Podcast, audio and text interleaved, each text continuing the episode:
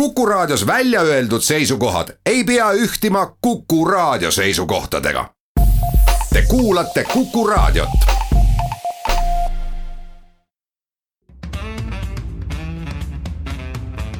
muuli ja Riikoja tere päevast, head kuulajad, kell on seitse ja pool minutit üle kella üheteistkümne ja et on reedene päev, siis koroonast ja kõigest muust hoolimata saade Muuli ja Riika on ikka eetris ehk Kalle Muuli ja Hindrek Riika on stuudios. tere päevast. alustame tänast saadet, tervised on meil siin kõigil korras. me just mõtlesime, et peaksime suure köha, köhimisega nagu alustame ikka koroonaviiruse teemaga. ja ega meil väga palju suurt muud ei olegi rääkida, aga tundub siiski, et ma ei tea, kas see on märk kriisi üleminekust või millest, aga et on isegi üks muu uudis on peale, peale haiguspuhangu veel, nimelt Swedbank eh, sai siis eh, lõppeval nädalal oma trahvi kätte, kolmsada kuuskümmend miljonit eurot umbes ja täpsemalt neli miljardit eh, Rootsi krooni selle eest, et on siis rikkunud äh, reegleid, mis olid äh, kehtestatud rahapesu tõkestamiseks. muuli ja Riikoja et äh, täpseid numbreid nii-öelda Eesti koroonaviirusesse või Eestis koroonaviirusesse haigestunute kohta veel ei ole, noh nii palju on teada, et eile tuli uus, vabandust, üleeile tuli uusi nakat-, nakatumisi üheksa ja eile vist suurusjärgus seal pisut üle viieteistkümne, täpselt täpne arv tuleb kuskil keskpäeval tavaliselt iga päev äh, avalikuks, siis alustame majandusmeetmetest, äh, mida siis valitsus otsapidi hakkas kolmapäeval avalikustama ja eile siis tehti tehti nii-öelda põhiline avang. tõsi, kõik need meetmed on sellised, et meil on teada suurusjärgud äh, circa kaks miljonit eurot erinevatel erineval moel valitsus äh, majanduse turgutamisse tahab suunata, aga aga kuidas täpselt need meetmed on ja kellele täpselt on, see kõik ei ole veel lõpuni, äh, lõpuni välja töötatud, noh nii-öelda ütleme lihtsalt inimest puudutab kõige rohkem see, et ettevõtted, kes saavad siin märtsis äh,, aprillis või mais nii-öelda arvestatavat kahju, kaotavad vähemalt kolme kolmkümmend protsenti oma sissetulekust ja veel vastavad paarile kriteeriumitele. Neil on võimalik siis äh, taotleda abi töötajatele palga maksmiseks, see saab olla kuni seitsekümmend protsenti inimese palgast, aga mitte rohkem kui. kui ma nüüd ei eksi, tuhat eurot ühe inimese kohta ja sellele peab siis tööandja omalt poolt igal juhul minimaalselt sada viiskümmend eurot veel juurde panema, pluss siis maksud sellele sellele ka otsa.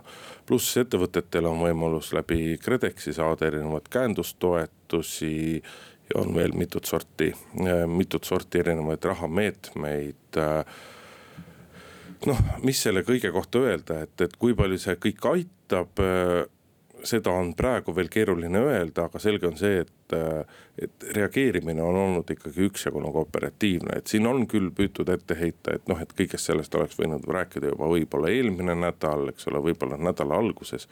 aga see masinavärk võtab oma, omajagu aega, et äh, asjad välja mõelda, et olukorrast pilt ette saada, keda siis on vaja toetada.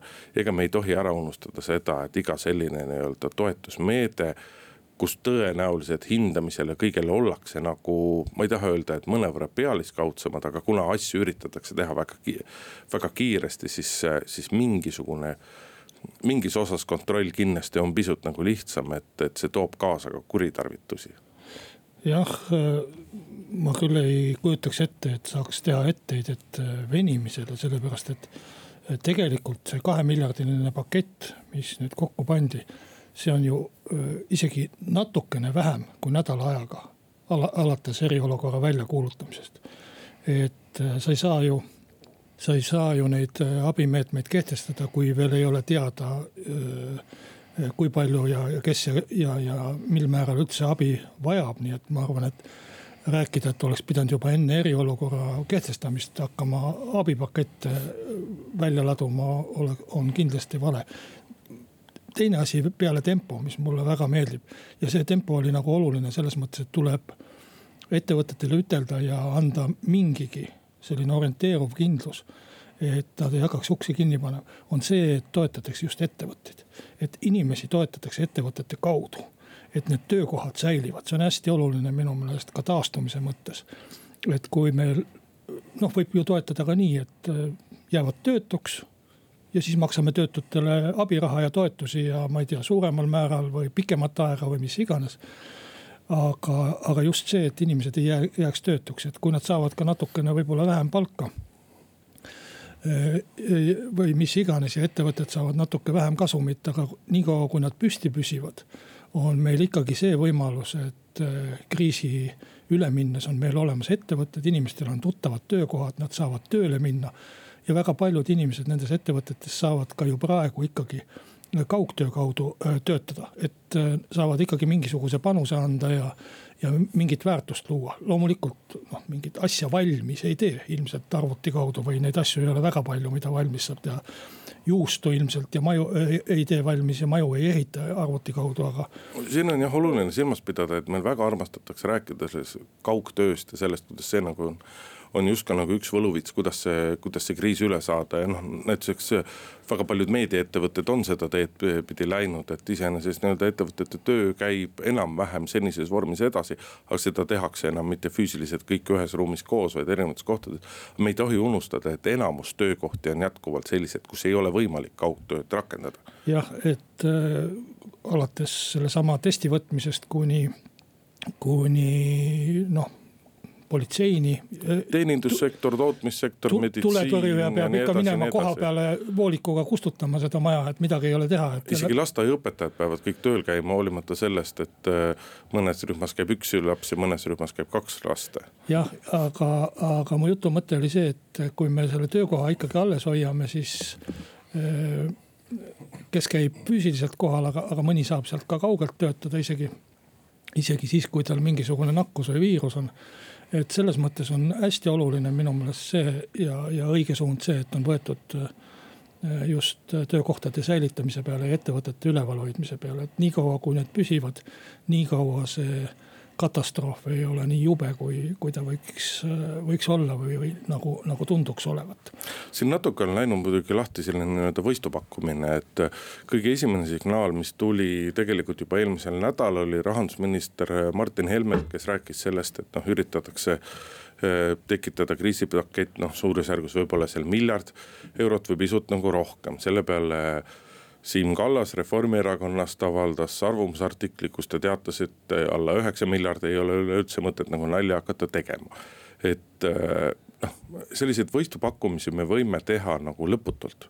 aga see selles mõttes ei vii meid mitte kuidagi edasi, et kogu asja võti on ikkagi see, et kui kaua see segadus nagu kestab, sest et oluline on ka silmas pidada, et majandusraskused ei ole tekkinud tänasel hetkel mitte nii-öelda otseses mõttes majanduslikust, majanduslikel põhjustel või nagu kuidagi ettevõtete süül, vaid sel, vaid majandusraskused ja majanduslanguse on tekitanud riik ja, ja erinevad riigid oma nii-öelda meetmetega, et seal on need juured põhja, juured peidus ja sellest kui sügav on see kriis, kui suured raskused tekivad ja kui palju on vaja toetada, see sõltub ikkagi sellest, kui kaua kehtivad need väga ulatuslikud piirangud nii reisimisele, nii töö tegemisele kui millele kõigele muule. no ma arvan, et nende kahe ja üheksa miljardi puhul see erinevus tuleb ka sellest just, et kui pikaks seda ajaperioodi hinnata, et kas me räägime aasta jooksul tekkivast kahjust või me räägime äh, sellest esimesest paketist, see kaks miljardit on tõesti mõeldud nüüd äh, lühiajaliselt äh, hingetõmbepausiks või, või selleks kindlustundeks, et noh, järgmise paari kuu jooksul, kui sa vaatad ka nende kahe miljardi meetmeid, siis need kõik on kas kaks kuud või kolm kuud. Äh, et nii kaua siis saab seda seitsmekümne protsendilist palka ja, ja muud asjad on täpselt samamoodi arvestatud siin kaheks-kolmeks kuuks. et kindlasti tuleb vaadata sealt ka edasi ja nüüd on lihtsalt natukene aega võimalus seda süvendada, aga mida tuleks minu meelest nagu siin rõhutada. et see on siiski, et, et see, me ei saa tegutseda lahtise arvega selles mõttes, et äh, noh, kulub palju kulub, et külmame lennukilt raha. see kõik tuleb ikkagi ju meie endi taskust, võib-olla mitte varem, aga natuke hiljem.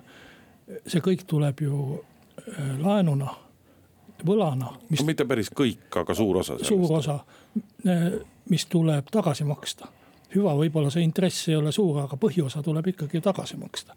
ja, ja ma saan aru, et seda raha, raha tekitatakse viisil, mida nimetatakse raha trükkimiseks, aga see on muidugi kujundlik, tegelikult vist kirjutatakse lihtsalt nulle kuskile arvutiekraani peale tänapäeval. ma isegi seda protsessi täpselt ei tea. aga, teeme... aga, aga pole ka tähtis, et selles mõttes see, et seda raha tekitatakse mingisugusel kummalisel viisil, kas trükkimise või nullide kirjutamisega, see ei tähenda, et me tegelikult pärast ei peaks seda ise tagasi maksma, et see kõik tuleb meie arvelt. lihtsalt me saame seda tulevikku lükata, kui, kui meil on ehk natukene rohkem jõudu ja tervist. teeme siinkohal väikese pausi, paar minutit reklaami ja läheme siis saatega edasi. muuli ja Riikoja Läheme oma saatega edasi, Kalle Muuli, Hindrek Riik on jätkuvalt stuudios. räägime veel pisut sellest majanduslikust poolest ja tegelikult sellest, et kust siis tuleb see, kust siis tuleb see raha, millega millega rahastada neid nii-öelda kriisimeetmeid, et äh, valdavalt on räägitud nii-öelda laenurahast, ka siin on tegelikult erinevaid skeeme on võimalus minna esialgu lühiajaliste võlakirjade teed, et siis nii-öelda kuna nii-öelda pika, pikemaajalise laenu saamine võtab pisut rohkem aega, see ei ole nii operatiivselt tehtav, samas ega lühiajaliste võlakirjade turg samas ei ole nagu ka nüüd liiga hea. samas Eesti majandusnäitajad on jätkuvalt ja see laenu, riiklik laenukoormus on niivõrd madal, et me oleme küllalt atraktiivne pruut. ja, ja üks asi, mille mille puhul muidugi on jäänud pisut segaseks, et kas see nüüd on selle tugipakettide üks rahastamisallikas, on see kurikuulus äh, teise pensionisamba maksete peatamine? no ma arvan, et, et äh, need allikad on ju, on ju kahte tüüpi, üks on siiski see, et meil on natukene reservi ka ja ma arvan, et see töötukassa raha, mis läheb nüüd palkadeks, see kakssada viiskümmend miljonit, mis on planeeritud selle seitsmekümne protsendiliseks palgaks et see tuleb ikkagi äh, olemasolevast rahast, et see ei ole võlg. aga iseenesest, kui me räägime ka ainult võlast, siis äh, see kogu see kaks miljardit on seitse protsenti meie SKT-st, ehk siis meie võlakoormus noh, niiviisi umbkaudu hästi üldiselt võttes peaks suurenema siis seitsme protsendi võrra, et kui meil siiamaani oli ma pean küll nüüd vabandama oma täpset numbrit. seitsme protsendipunkti võrra. et kui meil siiamaani oli see võlg kuskil kümne protsendi kandis võib-olla SKT-st et noh, siis ta tõuseb sinna kahekümne protsendi ligidale. et äh, varu, ütleme selles mõttes on meil väga palju, ma ei taha ütelda, et me peame selle varu kindlasti ära kulutama ja, ja, ja võtma laenu lihtsalt hullupööra, et ükskõik. Et kuna, kuna võimalus on ja ma ei tea, kas see võimalus säilib ja kui kaua ta säilib, et äh, praegu on tingimused vähemalt siiamaani olnud ju väga soodsad, aga. aga ütleme, et kui meil ka kakskümmend protsenti oleks SKT-st see laenukoormus see on täiesti tühine ja me oleksime sellega jätkuvalt ilmselt Euroopas esimesed. võib-olla Luksemburg natukene konkureeriks juba, aga, aga enamus Euroopa riikidel on seal kuuekümne juures ja üle selle, et kuuskümmend vist ongi see piir, mis tegelikult euro reeglitega on lubatud aga noh, seda rikutakse, nii et seda nägu on. aga kõige selle taustal jääbki nii-öelda, kui avalikke selgitusi vaadates, siis ikkagi pehmelt öeldes arusaamatuks jääb see teise samba sissemaksete nii-öelda kallale minemine ja, ja veel arusaamatum on see, et et ühe koalitsioonierakonna juht ehk siis Isamaa juht Helir-Valdor Seeder sisuliselt hakkab presidenti blackmail ima ehk pre presidendit nagu välja pressima, et. vaata, kallis president Kersti, et sinu laual on praegu see teise samba reformipakett, et kui sa selle nüüd heaks kiidad, et siis me ei kärbi neid teise samba sissemakseid. aga kui sa seda heaks ei kiida ja selle asja riigikohtusse saadad, vot siis me kärbime küll ära. et äh, on jah viidatud sellele, et äh, eelmise suure kriisi ajal, kahe tuhande üheksandal aastal samamoodi kärbiti kärbiti pensioni teise samba sissemakseid. aga siis tuldi välja väga selgete, nii-öelda väga selge plaaniga, eks ole. me kärbime, mis ajaks me kärbime, millises ulatuses me kärbime, kas me jätame alles vabatahtliku sissemaksete võimaluse, kui jätame mäletatavasti, kui sa vabatahtlikult ise jätkasid, riigi poolt tuge ei tulnud. siis mingil ajal said sa riigi poolt rohkem. oli teatud grupp inimesi, kellel oli teatud aeg pensionini aega, nende puhul ei peatatud neid. aga praegu on see küll nagu selles mõttes selline nii-öelda nagu avalik ma, ma suudan sealt ühe nii-öelda loogilise põhjenduse küll välja mõelda, aga seda ei ole ükski poliitik välja, välja öelnud, et, et see loogiline põhjus võib olla see, võib peituda selles, et arvestades, et sotsiaalmaksu laekumine väheneb suure tõenäosusega. siis äh, nii-öelda tekib küsimus, et kust võtta kogu raha esimese pensionisamba väljamakseteks ja et siis saab nii-öelda neid teise samba sissemakseteks kuluvat raha. ka jälle summad on segased, et ühes kohas on öeldud, et see on nelisada miljonit eurot aastas teises kohas öeldakse, et see on kakssada miljonit eurot aastas. et nii-öelda, et on võimalik siis seda raha selleks kasutada. aga praegu jah, et, et ühe, ühe valitsusliidu erakonna esimees läheb niimoodi presidendi, presidendilt välja pressima, et see on ikkagi. pehmelt öeldes on see jabur ja pehmelt öeldes on see kohatu, et et noh, õnneks on presidendil nii palju selgroogu, et ta kindlasti mitte ei allu sellisele blackmailimisele. see kõlas halvasti ja oli halva, halvasti väljendatud, aga, aga. ma olen täiesti veendunud, et see oli täiesti niimoodi mõeldud. et tegelikult sellist seost ju ei ole selline seos on, valitsusel on väga lihtne selline seos luua. ei, selline, sellist seost ei ole, sellepärast ma räägin kohe, mis seos seal on, seal on see, et kui seadus jõustub praegu siis tegelikult tuleks hakata inimestelt võtma vastu avaldusi äh, äh, lahkumisavaldusi või sisseastumisavaldusi. ja kui samal ajal hakata ütlema sedasama seadust muutma, sest seda saab teha seadusemuudatusega, siis tekib selline totter olukord, et inimesed ei tea, kuidas see seadus täpselt muutub, kui kauaks nad pannakse kinni, need äh, maksed ja nii edasi.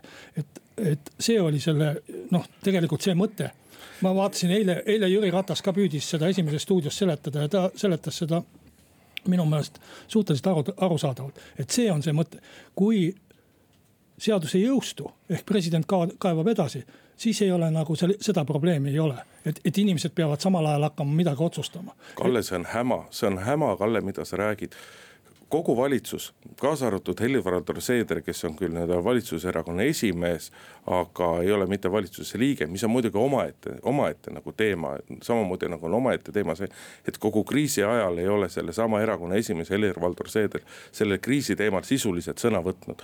aga kogu see valitsus teab, et president et president ei kuuluta seda seadust välja, sellepärast et mitte midagi ei ole muutunud.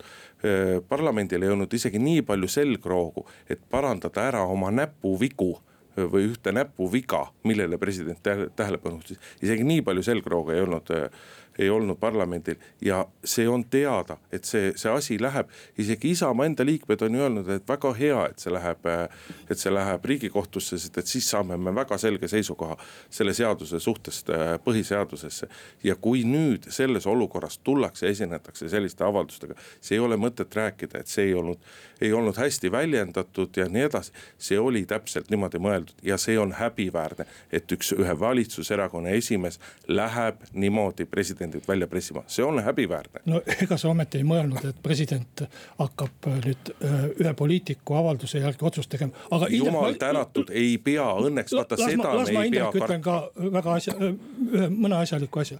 esiteks oleks väga rumal kui poliitikud hakkaksid praegu kriisi ajal tegema mingeid poliitilisi avaldusi, kaasa, kaasa arvatud eh, Helir-Valdor Seeder no,. sa oleks võinud seda Seederile öelda, sest et ta sai selle rumalusega juba hakkama. ei no kui inimesele helistatakse, küsitakse küsimust, siis ta vastab. siis ta aga, saab väga hästi aru, mida ta vastab. aga see, et poliitikud hakkaksid praegu kriisi suhtes avaldusi tegema, minu meelest on see väga hea, et nad ei tee. mida vähem rääkijaid ja et räägiks kriisikomisjon kus on peaminister, kus on sotsiaalminister, kus on rahandusminister ja kus on välisminister. et see on väga hea, et poliitikud ei, ei proovi mingisuguseid punkte praegu noppida selle kriisi arvelt, mida sa just soovisid. see on üks asi. ei, ma ei soovinud aga, punktide aga teine, noppimist, ma soovisin ma... nagu, nagu mõistlikku, mõistlikku juttu, mõistlikku arutelu, mõistlikud kommentaari. mida ühe parlamendierakonna esimees võiks teha, iga sõnavõtt ei pea olema poliitiliste punktide aga, noppimine. aga ühte asja tahtsin täpsustada veel, et see ongi praegu selline otsus, et me võib-olla teeme selle otsuse. see, et kõik need detailid, millest sa rääkisid. valitsuse pressikonverentsil öeldi väga selgelt, et seda tehakse. jah, aga kõik need detailid, eh, need töötatakse ju välja siis, kui seaduseelnõu tuleb et see ei ole praegu nii, et, et valitsus ütleb seda, et kuidas täpselt tuleb. vaidleme pärast pooltunni uudiseid edasi. muuli ja Riikoja jätkame saadet äh, stuudios Indrek Riiko ja Kalle Muuli. rääkisime siin äh, teisest sambast ja selle maksete peatamisest seoses koroona kriisiga no ma mäletan, kui, kui seda esimest korda tehti seda. sa lubasid, et sa kahe sõnaga võtad selle teema kokku. et kui, kui ma, kui esimest korda seda peatamist tehti, kaks tuhat üheksa, siis ma olin hästi tige ja kuri selle peale. ja üks põhjus, miks ma rääkisin, oli see, et sellega luuakse selline pretsedent, et iga kord, kui tuleb kriis iga järgmine valitsus võtab sealt samuti raha. ja selle asja olemus on see, et see raha teise sambasse võetakse sotsiaalmaksust. ehk siis ühest küljest sul on vaja pensione tõsta, nagu meil esimesel aprillil kohe tuleb kümneprotsendine pensionitõus umbes. esimese samba tõus ja samal ajal sa võtad teisest sambast, on see nelisada või kakssada miljonit, igatahes väga suure summa ja viid Eestist välja kuskil välisturgudele. iga valitsuse esimene mõte on, miks ma peaksin kuskilt võtma laenu ja samal ajal raha välja viima. ja ma võtan sealt ja nüüd nii ongi ja ma arvan, et selle teise sambaga hakkabki olema. nagu on suurem majanduskriis, nii peatatakse maksed. ja see on sinna sambasse sisse kirjutatud ja, ja pretsedendina loodud ja niiviisi tehakse, et see on, see on tegelikult.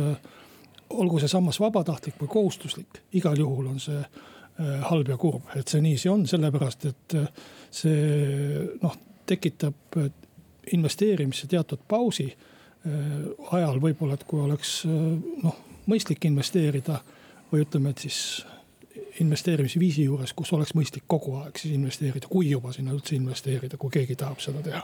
ei, selles on sul kahtlemata õigus ja seda kummalisem on tegelikult lugeda ka näiteks tänasest äh, Eesti Päevalehest siis tänase Euroopa Parlamendi saadiku Andrus Ansipi nii-öelda väga suurt kriitikat valitsuse aadressil et äh, tahaks kangesti Andrus Ansipile öelda, et palun tuletage meelde, kuidas valitsus kaks tuhat kaheksa, kaks tuhat üheksa, kaks tuhat kümme käitus.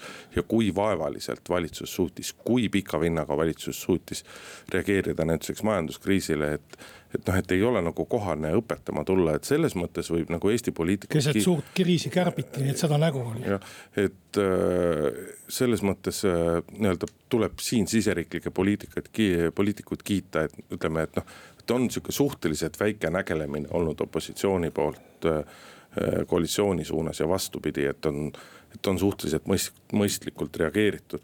aga kui me nüüd sellele koroonaviiruse olukorrale, olukorraga edasi lähme, siis nüüd on tulnud ka värsked numbrid, ehk siis ongi nii, et eile lisandus kuusteist uut koroonaviiruse juhtumit ja kokku on siis Eestis diagnoositud koroonaviiruses haigestumine kahesaja kaheksakümne kolmel inimesel ja kümme inimest äh, on siis haiglaravil, et selles mõttes võrreldes teiste riikidega on Eesti ikkagi nagu siiamaani väga hästi pääsenud. Äh, haiglaravil on inimesi väga vähe, äh, väga vähe ja mis, mis veel positiivsem, et Eestis ei ole ühtegi surmajuhtumit, et kuigi statistiliselt peaks. ära nüüd ära sõna. nojah aga..., ma loodan, et ma seda ei sõna, aga samas on ju ka meditsiinitöötajad ja kiirabitöötajad hoiatanud, et selle nädala lõpus, järgmine nädal nii-öelda suureneb arvestatavalt äh, see risk, et hakkab nii-öelda järjest raskemaid haigeid välja tulema. ma arvan, et, et et äh, meie rahvas on väga tubli olnud, kui ma neid numbreid vaatan, et on olnud ju riike ja on perioode olnud, kus äh, see haigestunute arv äh, kasvab kahe päevaga kahekordseks. ehk siis, kui me praegu vaatame, et meil on see juhtunud peaaegu nädala ajaga, see kahekordistumine või peast neid numbreid nii kiiresti ei suuda liita ja lahutada. et, et et siiski oleme suutnud äh, eraldada, muidugi nende arvude puhul peab alati arvestama seda. et nende suurus sõltub sellest, kui palju teste tehakse, kus kohas teste tehakse, keda testitakse. kas sa lähed mingisse nakkuskoldesse kõvasti neid teste tegema või sa lähed äh, Lääne-Virumaale, kus ühtegi haiget teadaolevalt ei ole. ja teed seal kõvasti teste, et need numbrid on ka sellised no numbrid tuleb tähelepanu neid, pöörata. Neid annab väänata siia ja sinna, eks ju, kui sa tahad. jah, et tuleb tähelepanu pöörata proportsioonidele, eriti nüüd, kui nii-öelda kordades suurendatakse testide arvu. et kui seni on nii-öelda väga jämedalt olnud viiskümmend, vabandust, viisteist protsenti, suurusjärgus viisteist protsenti tehtud testidest on nii-öelda positiivsed, siis. kui meil nüüd suurendatakse testide arvu ja me saavutame nii-öelda see, see osakaal jääb samaks või, või langeb, siis langemine on igal juhul nii-öelda positiivne näitaja. Et me ei saa, et õige ei ole vaadata seda iga päevaga lisandunud inimeste arvu, vaid pigem seda, seda nagu suhtarvu. aga selge on see, et noh, et nii, nii riigi toimimise kui kõige tei-, kõige selle äh, kõrval nagu valitsus peab ja kriisikomisjon peab hakkama nüüd järjest rohkem nagu muut-, äh, mõtlema sellele, et äh, ühest küljest me suurendame testide arvu ja kõike seda poolt, aga kuskilt tuleb hakata tegema mingisuguseid leevendusi neile ikkagi päris hulgale piirangutele, mis nagu, mis nagu tekkinud on, et, et seal peab väga väga rangelt vaatama, millised on teadlaste prognoosid. kuidas see asi nagu edasi areneb ja kust saab nagu piirangutega järgi anda, et vahendada üks asi nii-öelda mõju majandusele, aga, aga inimeste igapäevaelule, noh, see, see, see lihtne asi. see, et lapsed, lapsed koolis ei käi, et pealtnäha vaadates, mis see siis nüüd ka ära ei ole aga olukord, kus, kui sul on kodus kaks või rohkem last, kes käivad erinevates klassides, siis see, mis toimub nii-öelda tänasel hetkel ikkagi kodus. et kui sul on kaks töötavat vanemat, siis selle jaoks, et see koduõpe mööduks nii-öelda kvaliteetselt, peab üks inimene ennast sisuliselt nagu töölt lahti võtma, sellepärast et sa pead täiskohaga tegema, tegema kodus eh, õpetajatööd, koristajatööd, ütleme siis niimoodi, et sa pead täiskohaga tegema õpetajatööd, sööklatädi tööd, koristajatööd ja nii edasi, nii edasi, nii edasi. et, et noh, et, et siit-sealt tuleb hakata, tuleb mõelda, kas need, kas näituseks need liikumispiirangute leevendamise, leevendamine on mõistlik või mitte, et noh, et mis kasu annab Eesti riigile, aga samamoodi ka teistele Euroopa riikidele see, et meil on nii-öelda nagu piirid kinni. et mida me seeläbi nagu ära hoiame või ei hoia jah, äh, meie oleme siin praegu suhteliselt lõbusad, aga üks asi, mis meid kindlasti veel ees ootab, kui see äh, äh, kriis kaua kestab. on see, et mingil hetkel, see on iga kriisi puhul nii ja igas ühiskonnas nii, saabub frustratsioon kus inimesed muutuvad rahulolematuks ja hakkavad süüdlasi otsima ja ma arvan, et meil on see, see kriisifaas veel ees. ei, mina arvan, et kui ma vaatan sotsiaalmeediat ja kuulan, mida inimesed räägivad, siis ma arvan, et see aeg hakkab juba tulema ma..., sellepärast et inimesed. eriti kuna meil on kõrval Rootsi näide, meil on kõrval Inglismaa näide ja veel mitme riigi näite. kes on nii-öelda hoopis teistmoodi lähenevad selle, selle, selle viiruse levikule ja selle piiramisele, siis. siis see frustratsioon juba tekib ja väga paljuski tekib see just nimelt nendes koolis koolis käivate laste vanematelt, kes noh, on nagu. kes, kes on nii lõhki rebitud kõigi oma erinevate nii-öelda niigi igapäevase elu pluss nüüd lisandunud äh, kohustuste vahel, et, et see asi on juba käes. ja palgapäeval ta näeb veel lisaks seda, et palk on ka kakskümmend või kolmkümmend protsenti väiksem, eks ju. Äh, kuna seda maksab töötukassa abipaketist. no mitte ainult, kui me vaatame meediaettevõtteid, siis. ja mingil hetkel tekib ühiskonnas äh, selline lausaline süüdlaste otsimine viha väljavalamine ja nii edasi, et. et me peame seda endale teadvustama, et see võib olla tulemas. ja, ja peame ka selleks valmistuma, et noh, kes siis süüdi on selles, et kõik nii halvasti on, kas see on valitsus, kriisikomisjon, arstid. ma ei tea, ajakirjanikud, Rikkoja ja Muuli või mis iganes et, et see on üks asi, mis meid veel ees ootab ja, ja milleks me kindlasti äh, peame valmistuma üldiselt võiks, võiks tõesti minu meelest rohkem mõtelda sellele, et kuidas selle viirusega koos edasi elada, et ma ei usu seda, et me saame ta maailmast ära kaotada ja, ja taevas teab, kas ta on hooajaline või mitte, et kas ta, kas ta nüüd kaob kevadega ära ja tuleb sügisel tagasi või, või. vaata sellepärast mina isegi sama,. samas vaatad Iraanis ta ka levib, eks ju, soojal ajal ka. et sellepärast mina isegi nii väga ei muretse, et see, et sellele viirusele ravi tekib ja tekivad ka vaktsiinid selle viiruse vastu, et noh, see on aja küsimus ja.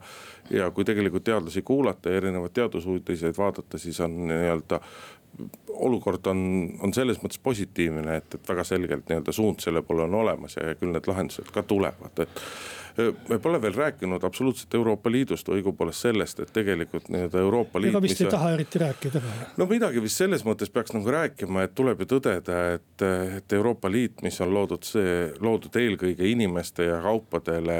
ja teenuste. ja teenuste vabale liikumisele ja ühisele turule, et Euroopa Liit on oma eksistentsi nagu peatanud ja see on, see, see näitab väga selgelt, et ka Jüri Ratas on ja erinevad ministrid on justkui püüdnud nagu välja tuua seda, et. et, et Euroopa Liit ju ikkagi ka reageerib ja mõtleb abipaketile ja on andnud vabaks eelarvereeglid, on muutnud lihtsamaks riigiabi andmise regulatsiooni, kõik selle aga oma jah, seda kõige põhilisemat ülesannet ehk inimeste, kaupade ja teenuste vaba liikumist ei ole suutnud ta tagada.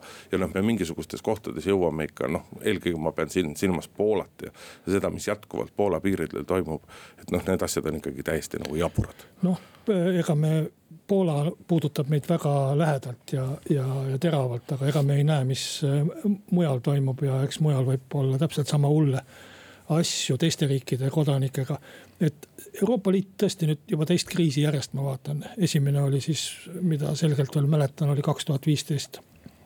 Äh, migrantide või pagulaste kriis, kuidas võtta. et ta on selline ikkagi heade aegade liit. kui on mingisugune kriis, siis ega äh, sellist reaalset tegevust et äh, nüüd me paneme kiiresti piirid kinni, koordineerime, äh, loome koridorid äh, kaupade liikumiseks, loome koridorid inimeste liikumiseks. jagame mingit meditsiiniressurssi või mitte midagi sellist, sellist nii-öelda aktsiooni või, või, või tege-, tegutsemist ei suudeta absoluutselt koordineerida. aga miks ei suudeta? aga see, mida nad suudavad teha, on see, kui on vaja paberi peal mingit direktiivi muuta. ja, ja selles mõttes on nad hea, et nad tegelikult praegu on seda teinud. et kõik need eelarvereeglid ja, et seal kontoris nad suudavad kirjutada küll. aga, aga kui on vaja ähm, tegu, tegutsemist, siis äh, reaalselt ikkagi tegutsevad ainult riigid ja noh, praegu kuna iga riik tegutseb eri moodi ja igas riigis on see kriis natukene eri ajal ja, ja eri suuruses äh, tulnud ja, ja igaüks on ehmatanud ka eri moodi. et siis tulemuseks on see, et äh, tegelikult valitseb ikkagi paras kaos ja see, et eh, noh, Euroopa Liit ei suuda oma kodanikke ühest riigist teise aidata või läbi ühe riigi aidata. ja isegi vist ei tegele sellega, mulle tundub, et see on löödud, löödud käega, et see on nii lootusetu. seda küll. see on te... nagu Islandil oleks see tuhamägi plahvatanud ja, ja kõik ära katnud. jah, aga teisest küljest, ega ma nüüd ei taha selles mõttes Euroopa Liitu ka nagu liigselt kritiseerida, et nagu sa ütlesid, siis üht-teist positiivset on sealt tulnud ja kui meil on rahulikumad ajad, siis tuleb sealt positiivset ikkagi päris nagu üksjagu. et selle jaoks, et Euroopa Liit Äh, saaks äh, praegusel hetkel näiteks piiriküsimustes ja nii edasi tegutseda operatiivsemalt, tähendab selle eelduseks on ju see, et see ühendus peab olema palju vähem demokraatlikum. ehk äh, Euroopa Liidul peavad olema suuremad sunnimehhanismid, aga seda me ju tegelikult ka ei taha, et Euroopa Liidus nii-öelda otsustusõigus liikmesriikide otsustusõigus väheneks, et domineeriksid rohkem suuremad riigid, ametnikud ja nii edasi, et seda me teisest küljest ka nagu ei taha, et see on selline natuke nokk kinni ja saba lahti teema. no tegelikult ikkagi noh, selline see, see magamine oli ju kohutav, ma ei kujuta ette, mis siis oleks veel saanud, kui suvepuhkuse ajal oleks juhtunud või jõulude ajal oleks juhtunud, aga, aga Itaalias hakkas ju asi pihta ikkagi veebruari keskpaigas. Ja, ja Itaalia magas maha juhtub, on mõnes teises riigis juhtunud, Lõuna-Koreas või, või kus iganes. ja seal läks plahvatuslikult see laiali mingisugune tegevus oleks võinud Euroopa Liidu poolt olla, et Itaalia siis muudest riikidest ära lõigata. või Itaaliasse sissesõit kinni panna teistest riikidest ja, ja väljastpoolt Euroopa Liitu no mitte midagi no, ei toimu. aga ega ja, ja Itaaliat, Itaaliat ei abistatud ka, Hiina abistab Itaaliat no,, aga mitte Brüssel. jah, küsimus ongi võib-olla mitte nii väga Itaalia piiride sulgemine ja kõik see, vaid see nii-öelda abi ja tugi Itaaliale oli see, mida tollel hetkel nagu vaja oleks olnud ja kus Euroopa Liit ilmselgelt jäi magama. aga kus jäid magama täpselt samamoodi ka teised liikmesriigid, kes oleksid võinud omalt poolt. Neil oli, nemad jälgisid, mis toimub, me, me võtsime Itaaliast neid üksikuid tulijaid vastu ja testisime neid ja jälitasime nende tuttavaid ja ja, ja tegelesime enda probleemidega, et sel hetkel, kui sul endal on kriis maale tulemas, minna üksinda omal algatusel teisele appi oli väga keeruline, et see, see oleks pidanud tulema keskelt, see koordineerimine. ei, muidugi oleks pidanud. seitseteist märts oli kuupäev, umbes kuu peale Itaalia kriisi algust, kui Euroopa Komisjon otsustas, et välispiirid tuleks kinni panna, no milleks ometi, kas selleks, et viirus enam välja ei pääseks Euroopa Liidust? aga teeme siinkohal väikese pausi ja läheme siis saatega edasi Muuli ja Riikoja nagu lubasime, siis koroonaviiruse kõrvale ja sellega seonduva kõrvale üks teema mahub siiski, mis, mis tõesti ei ole seotud, seotud kuidagi koroonaviirusega. nimelt siis otsustas Rootsi finantsinspektsioon trahvida Swedbanka ma ei tea, õige oleks öelda vist, et Swedbanka, Swedbanka tervikuna, mitte Eesti, Läti või Rootsi oma eraldi, aga tervikuna nelja miljardi Rootsi krooni ehk kolmesaja kuuekümne miljoni, circa kolmesaja kuuekümne miljoni euroga ja seda siis selle eest, et pangas ei ole ajalooliselt jälgitud piisavalt äh, rahapestuvastase võitluse reegleid, oluline on siin silmas pidada, et ega finantsinspektsioon otseselt ei ütle, et et, et rahapesu nii-öelda nagu toimus, kuna seda saavad uurimisorganid nii-öelda öelda ja vastavad uurimised on ju käimas ka. aga noh, ega mis me selle peale ikka oskame öelda, et ühest küljest tundub nagu suur summa Swedbanka kasumeid arvestades, noh, kes ütleb, et kvartali kasum, kes ütleb, et pisut vähem aga eks me klientidena lõpuks maksame solidaarselt selle trahvi ikkagi kinni pisut kõrgemate teenus teenustasude näol, et olgugi, et Swedbank Eesti juht ütles eile Aktuaalses Kaameras, et eks see on eelkõige ikkagi aktsionäride, aktsionäride probleem, aga eks ega neil aktsionäridelgi pole seda raha mujalt kui klientidelt võtta. eks see tuleb, see summa tuleb äh, Swedbanka kasumi arvelt ja kui neid kasuminumbreid vaadata, ma praegu peast ei mäleta, kas see oli kaks tuhat kaheksateist või kaks tuhat üheksateist, oli üks koma seitse miljardit oli Swedbanka kasum Rootsi kroonides. nii et see neli, üks koma seitse miljardit eurot, vabandust. et kolmsada kuuskümmend sellest on niiviisi enam-vähem no, jämedalt veerand. jah, neljandiku juurde, nii et kvartali kasum võib ta tõesti olla. aga noh, minu hinnangul ei ole see Swedbankale mingisugune tappev trahv. ja, ja võib-olla, et see, selle summa arvutamine siia-sinna, et ta enam ka seda aktsiahinda midagi ei mõjuta, koroona on seda kümme korda rohkem mõjutanud. ja, ja küll see summa makstakse ära, aga sellest finantsinspektsiooni eh, jutust jäi mulle üks väga paha asi kõrvu.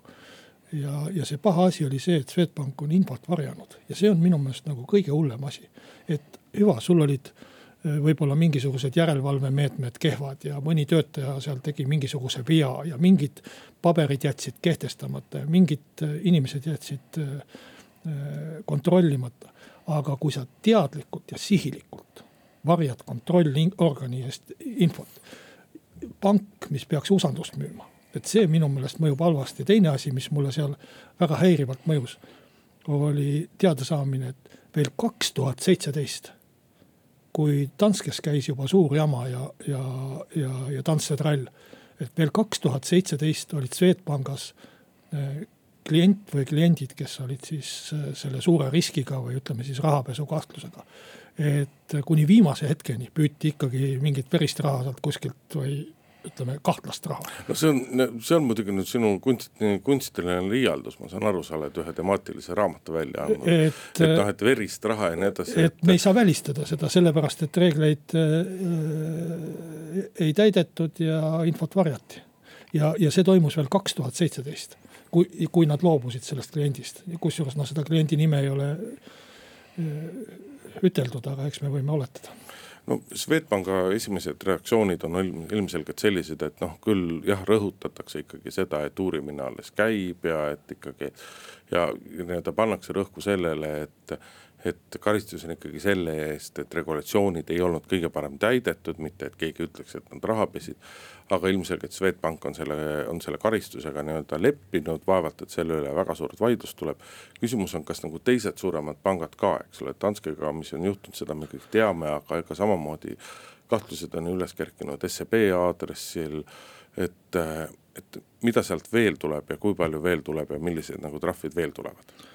noh, Danske kohta ju väidetakse isegi seda, et teda ei saagi trahvida, et see Ameerika uurimine lõpeb ei millegagi.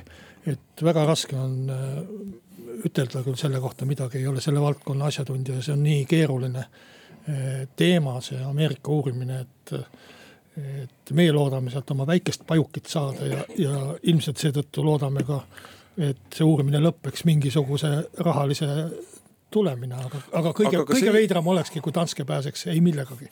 aga kas Eesti nagu nüüd äh, Rootsi määratud äh, karistusest ka üritab mingisugust oma tükikest kätte saada või ei ürita? see, seda ma, ma ei ole kuulnud, et keegi oleks ette võtnud äh, ja, ja tegeleks sellega, et äh, noh. aga miks ei peaks, miks ei võiks? Danske puhul me saime apelleerida Eesti maine määrimisele, aga Swedbanka puhul nagu nii suurt äh, rõhuasetust Eestile ei ole olnud, et on tegelikult no,. tegelikult nüüd sa, sa, nüüd sa küll nagu liialdad või oled nagu tege, lühikese mäluga. tegelikult, kui sa sedasama aktigi loed, siis äh, seal on öeldud, et see toimus peakontori teadmisel ja, ja vist olid isegi peakontoris mingid ärid käimas ja, ja nii edasi. seda küll, aga nüüd meenuta seda, mis juhtus eelmisel aastal, siis see nii-öelda, kui sa vaatad Swedbanka suure grupi tasandi kommunikatsiooni, siis seda vastupidi üritati kogu aeg. küll jah, puhastati, küll jah, puhastati ka endal grupi juhtkonda, aga, aga ka, ka siis seda üritati näidata paljuski kui Eesti ja paljuski kui Baltikumi sellist probleemi, millest justkui nii-öelda, millega Rootsil justkui ei peaks nagu mingisugust pistmist olema. et selles mõttes väita, et me ei saanud nagu sellest mainekahju, oleks ilmselge nagu liialdus. aga, aga nagu põhiline, jah, põhiline see, tuli siiski Danske pangast, ülemaailmne. kas see nii-öelda võimalik osa, mis sellest kolmesaja kuuekümnest miljonist eurost, eks ole teoreetiliselt võiks ka Eestile siis tulla, et noh, et kas, kas see osa on nii suur, et see väärib seda, seda ristisõda ja väärib seda neid küünlaid, et järele käia. no see trahv on määratud väga konkreetselt ja, ja läheb väga konkreetsesse kohta, nii et sealt me ei saa mitte midagi muud, võib-olla, et saame hoopis seda, et võetakse, hindu tõstetakse üles, et seda trahvi ära maksta. aga tänase saate otsad tõmbame nüüd kokku, suur tänu kuulamast, olge terved ja Kalle Muuli, Indrek Riika on järgmine nädal eetris tagasi. muuli ja Riikoja